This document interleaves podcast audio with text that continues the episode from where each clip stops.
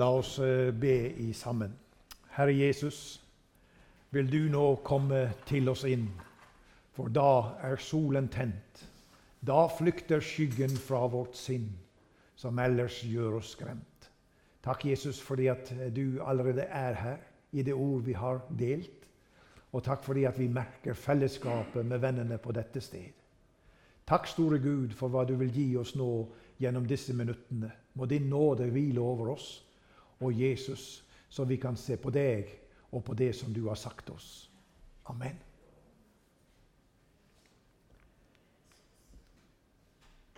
Den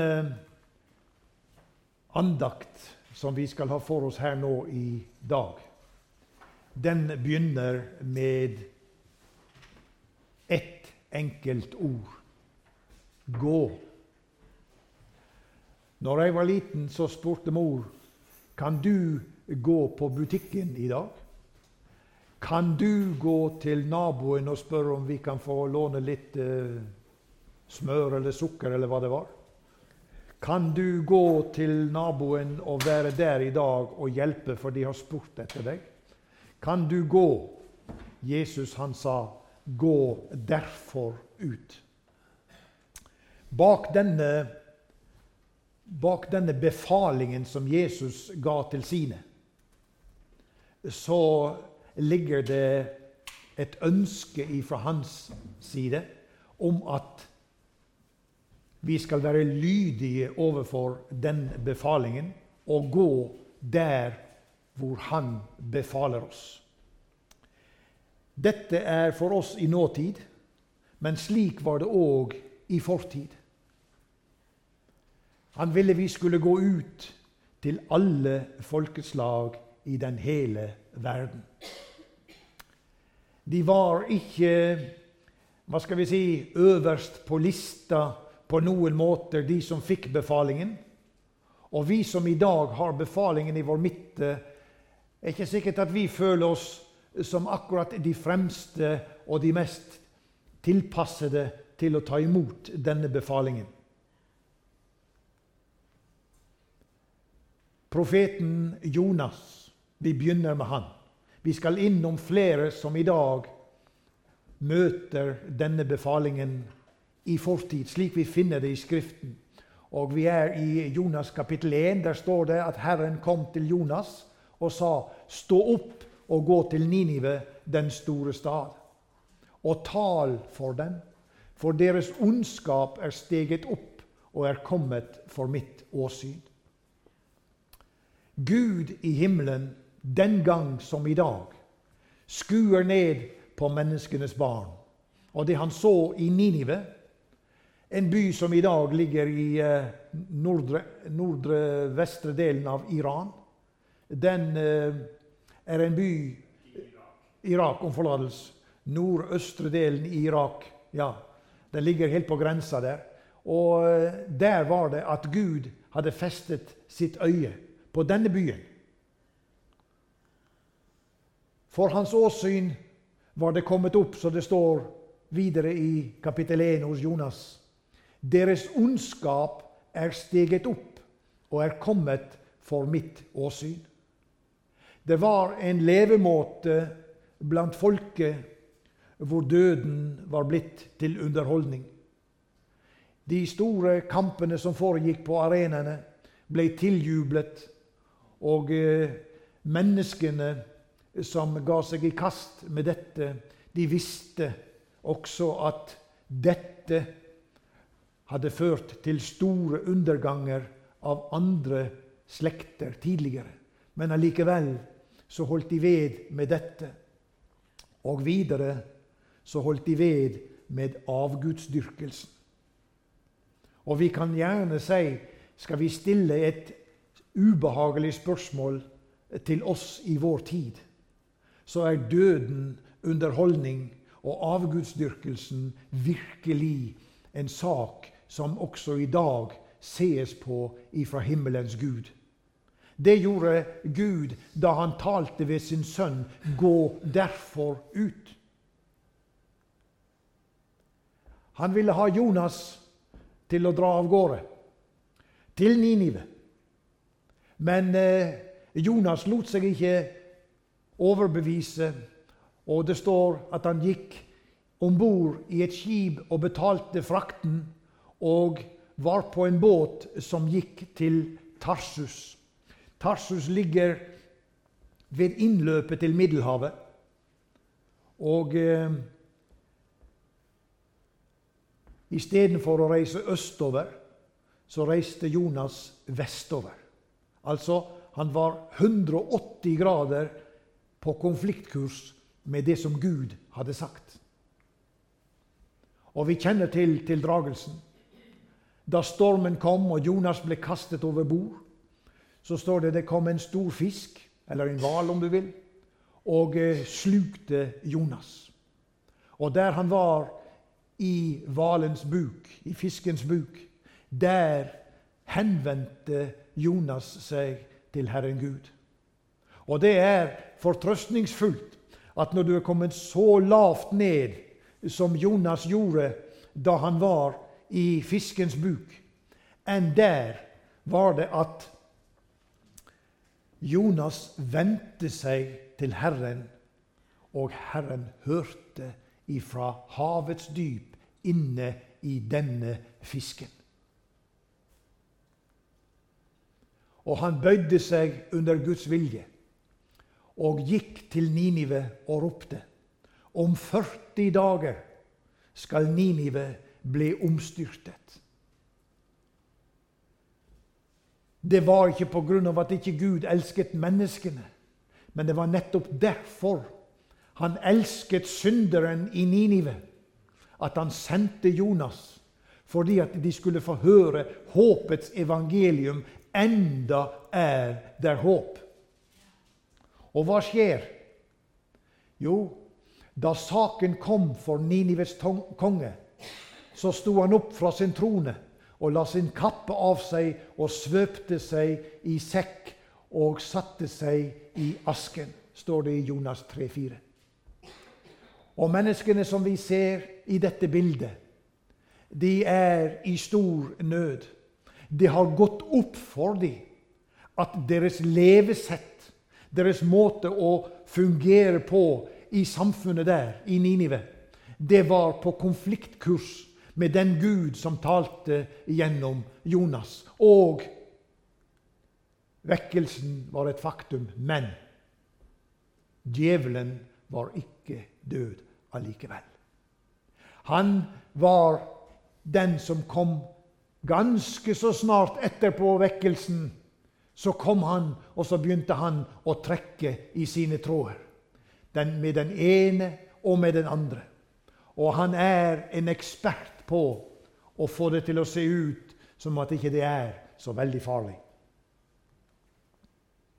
Det var en kort vei tilbake til livet borte fra Gud. Selv om Gud hadde berget byen og folket og holdt sin hand over dem og velsignet dem, så du kan lese om denne perioden i Ninives by. Den kan du lese om både i historiebøkene og ellers når du går tilbake og tar for deg det som er skrevet ved siden av Bibelen. At de hadde fremgang i ett og alt. Og de hadde velstand, og de hadde alt de trengte til. Men Gud, han så at deres hjerteforhold bare var en midlertidig tildragelse. I år 600 før Jesu fødsel så Gud dette. Og Dette finner du fortellingen om i de få kapitlene som profeten Nahum har eh, bidratt med i, i Skriften. Og Der finner vi at han sendte profeten Nahum til folket. Og han talte til det stolte og det rike Ninive. Ved blodstaden, helt igjennom full av løgn og vold. Aldri holder den opp å røve. Der er ingen lindring for din skade. Ulegelig er ditt sår. Når vi ser på innledningen til dette. Når jeg satt og forberedte meg på dette, så kjenner vi en nasjon som er både stolt og rik. Og vi snakker dens språk her i vår midte. Et land med så stor velstand at det er ikke noen som kommer i nærheten. Og allikevel så hører vi til stadighet om at rikdommen og stoltheten den fører menneskene lengre og lengre i dette landet vårt. Bort i fra Guds vei. Og så kan vi si vi skal slutte med å se på alle de andre. Vi skal slutte med å tenke på Ninive. Vi skal slutte med å tenke på det som raser i en av de store byene der ute i verden i dag. Og så skal vi tenke på hva taler Gud til vårt folk, som han har benådet på en slik måte at vi står i en helt egen klasse i den store sammenheng. Dette lille landet her oppe, langt opp mot nord, med fem millioner mennesker.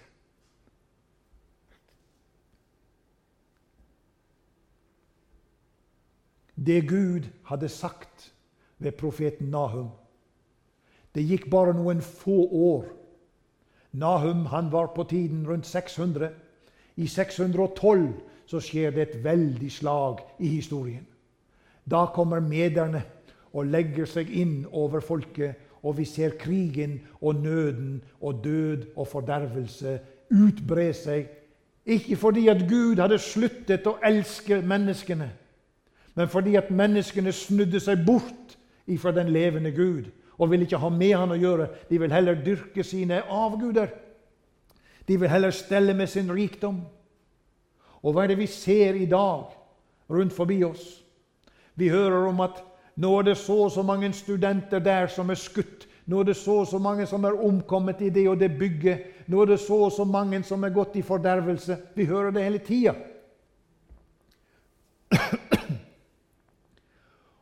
Og Derfor så vil jeg gjerne peke på dette faktum at Guds handlemåter den er ikke forandret seg. Når vi tenker på det som her vi ser, så går Guds ord til folket i oppfyllelse. Gud har ikke slutta med det.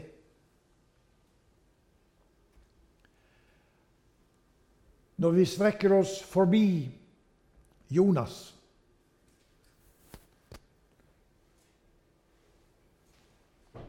Når vi strekker oss lengre inn i historien, så treffer vi på Ja, velsignet være du blant kvinner.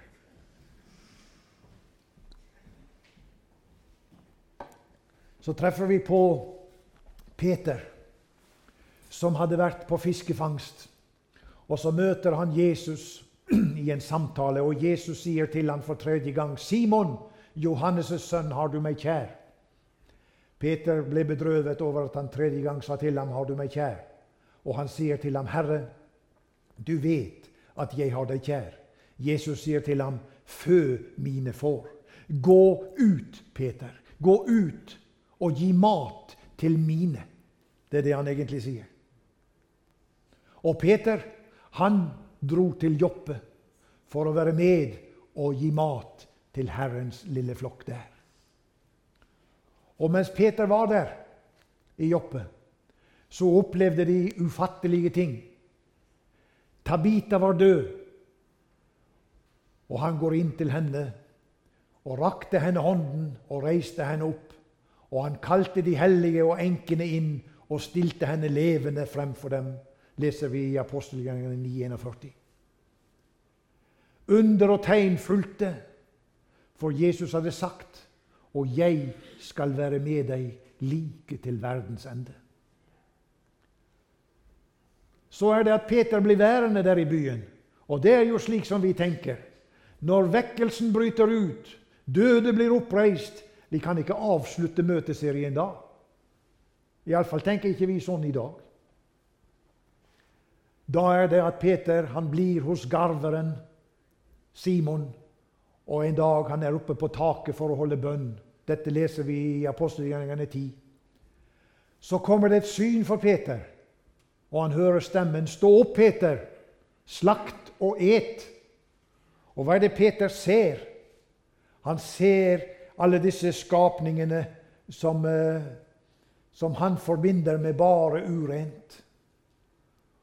Og her er det da at Peter han møter dette synet.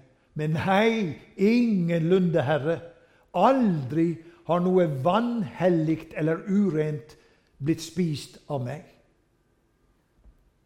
Dette var responsen til han som hadde fått hørt, og hils til Peter. Han skjønte ikke denne utfordringen, men Peter han var tvilrådig. Og mens han sitter og tenker på hva betyr dette her Tre ganger skjedde dette, at denne duken med disse dyrene kom ned av alskens skapninger som slett ikke var i henhold til jødenes måte å tenke på. Peter ble beveget ut av sin komfortsone. Han måtte ta stilling til ting som han var meget i tvil om. Samtidig så skjer det noe. For Gud hadde vist Peter der han var på taket på dette huset. Samtidig så handler Gud i Kornelius' hus der i byen. Og det banker på døra, og det kommer sendebud fra Kornelius. Kom, Peter, kom med oss. Kornelius har hatt et syn fra Herren. Vi er fremdeles i apostelgjerningene 10. Og Peter opplot da sin munn da han kom til huset. Og vekkelsen ble et faktum igjen. Vekkelsen skjedde ved at Peter var lydig. Lydighet er tema, for ingen kan gå uten at en er lydig. Slik som jeg, når jeg adlød min mor, som jeg begynte med, når hun sa 'Kan du gå på butikken for meg?' Ja, så var jeg lydig og gikk. Og slik var det for Peter. Han gikk i lydighet, selv om han visste 'Nå går jeg inn til hedningen'. Nå går jeg inn til en som er på utsiden av de utvalgte. Men for at de utvalgte skulle bli innpodet i stammen så gikk Peter og var lydig. Han var lydig. Og vi som ikke var med i utvelgelsen, vi ble utvalgt i Kristus og ført inn i stammen som er Jesus.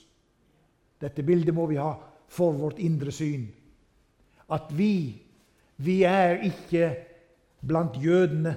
Ja, jeg vet jo ikke om det sitter noen her eller her noen som, som, har jødisk bakgrunn langt bak i slekta. Det kan godt så være. Men det er ikke det det går på. I dette øyeblikket så er det innenfor Gud at jøden som står i stammen Jesus Kristus, som er innpodet i denne stammen, ved overgivelsen ved å påkalle Messias, den levende Guds sønn, den eneste som kan frelse, så føres også jøden inn til evig liv i Gud på samme måte som oss. Det er ikke noen annen måte for det folket enn evangeliet ved Jesus Kristus, for frelsen.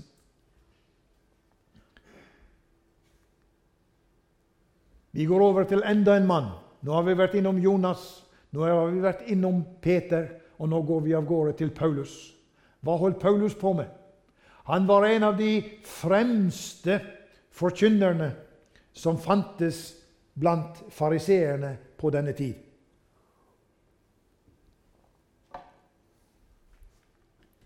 Og eh, han førte de troende sammen i de mange sammenhenger til nettopp det som vi som er her til stede, ser på dette bildet Mennesker samlet like før de store dyrene, løvene og alt annet, angrep de og rev de i stykker og åt de opp.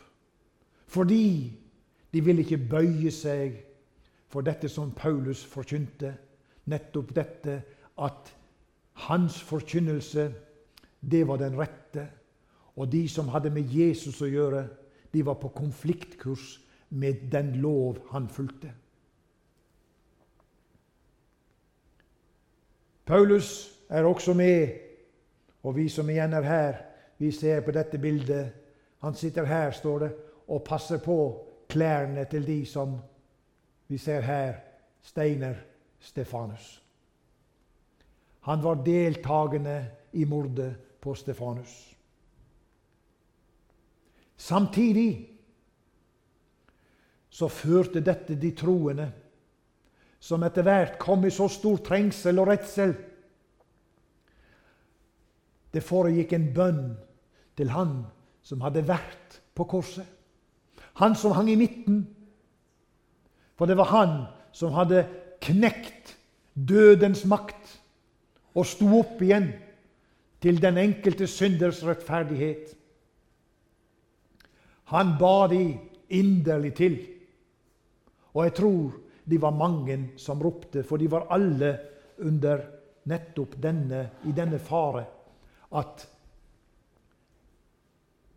anytime, eh, når tid som helst, kunne de bli rammet av denne Paulus.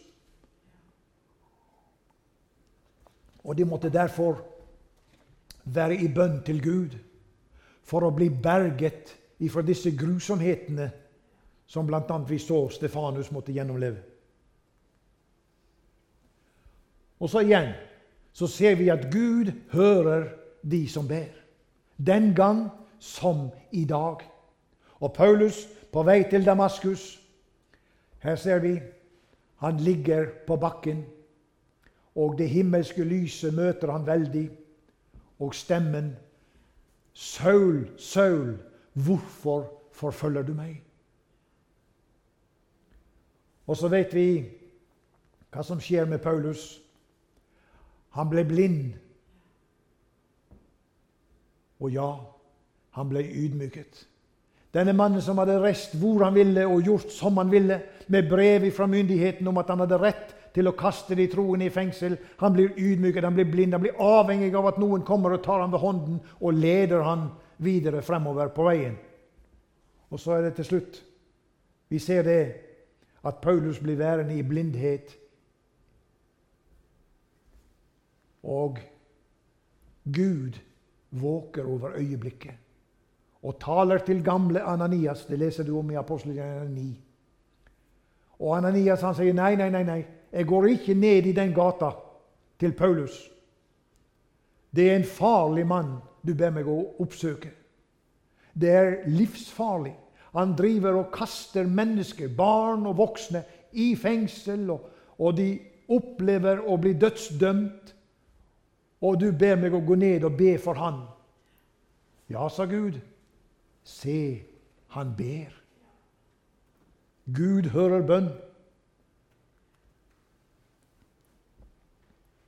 Felles for Jonas, Peter, Paulus og Ananias er dette. De går, de ydmyker seg under Guds kall, og de setter sin fot frem, og de går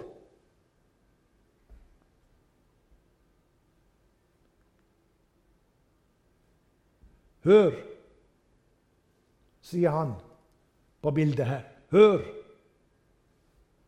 Hør hva Herren sier om dette temaet. I vår situasjon, i vår setting. Hver gang da noe menneske eller hele ditt folk Israel bærer frem noen bønn eller ydmyk begjæring, fordi de hver for seg kjenner seg rammet i sin samvittighet, og de så breder ut sine hender mot dette hus, så vil du høre det i himmelen der hvor du bor. Og du vil tilgi og gripe inn og gi hver mann efter alle hans gjerninger, fordi du kjenner hans hjerte. Fordi du alene kjenner alle menneskenes barns hjerte. Første kongebok 8, 38.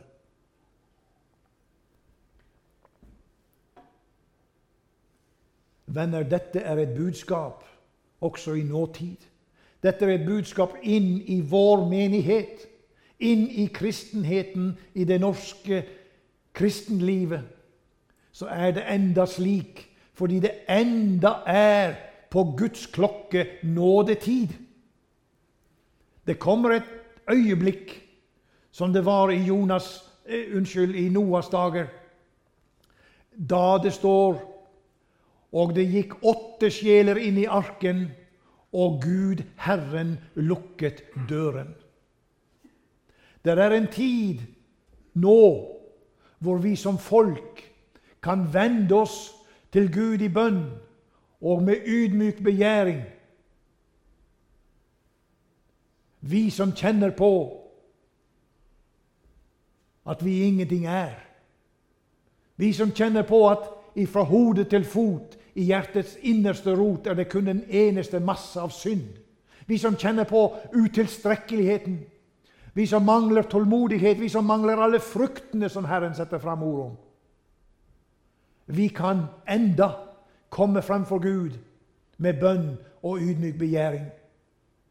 Og så kan vi få oppleve nettopp det som vi hørte i åpningsordene her i dag. At det er ikke ute med oss fordi at Gud enda har nådedøren åpen. Han har ikke lukket nådedøren enda. Jesus sa til sine disipler, 'Ta mitt åk på dere og lær av meg.' For jeg er saktmodig og ydmyk av hjerte. Så skal dere finne hvile for eders sjeler.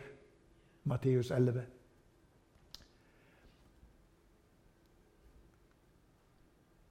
Videre i 1. Peter 5 leser vi Ydmyk dere derfor under Guds veldige hånd, for at Han kan opphøye eder i sin tid.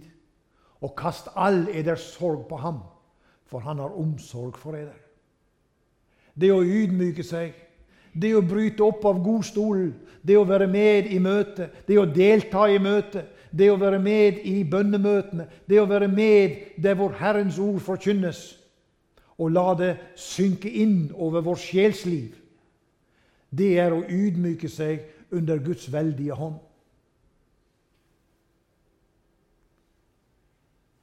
Er dette et bilde av denne ydmyke som sitter her på kne? Er det et bilde på meg eller på deg? Vi kan svare hver for oss.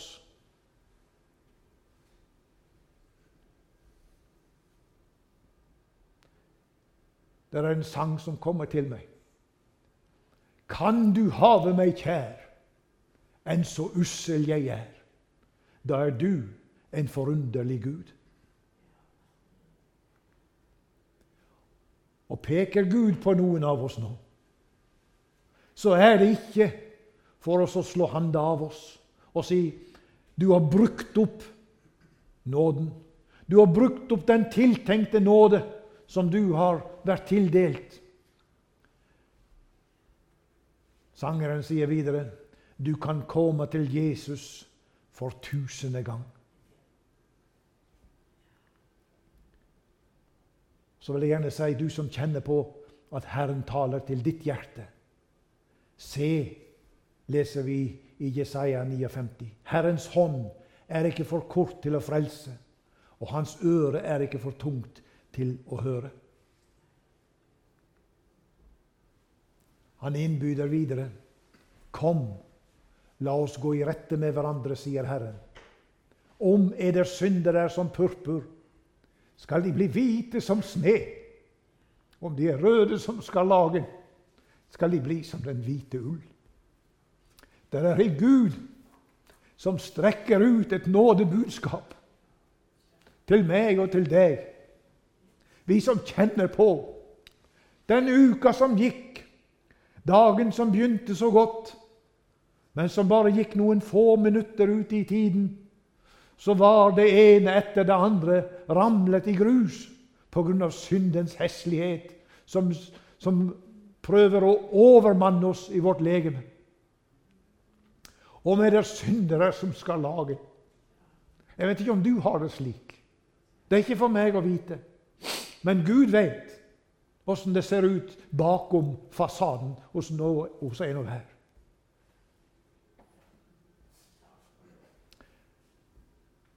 Himmelens Gud vet hvor lenge døra skal stå åpen.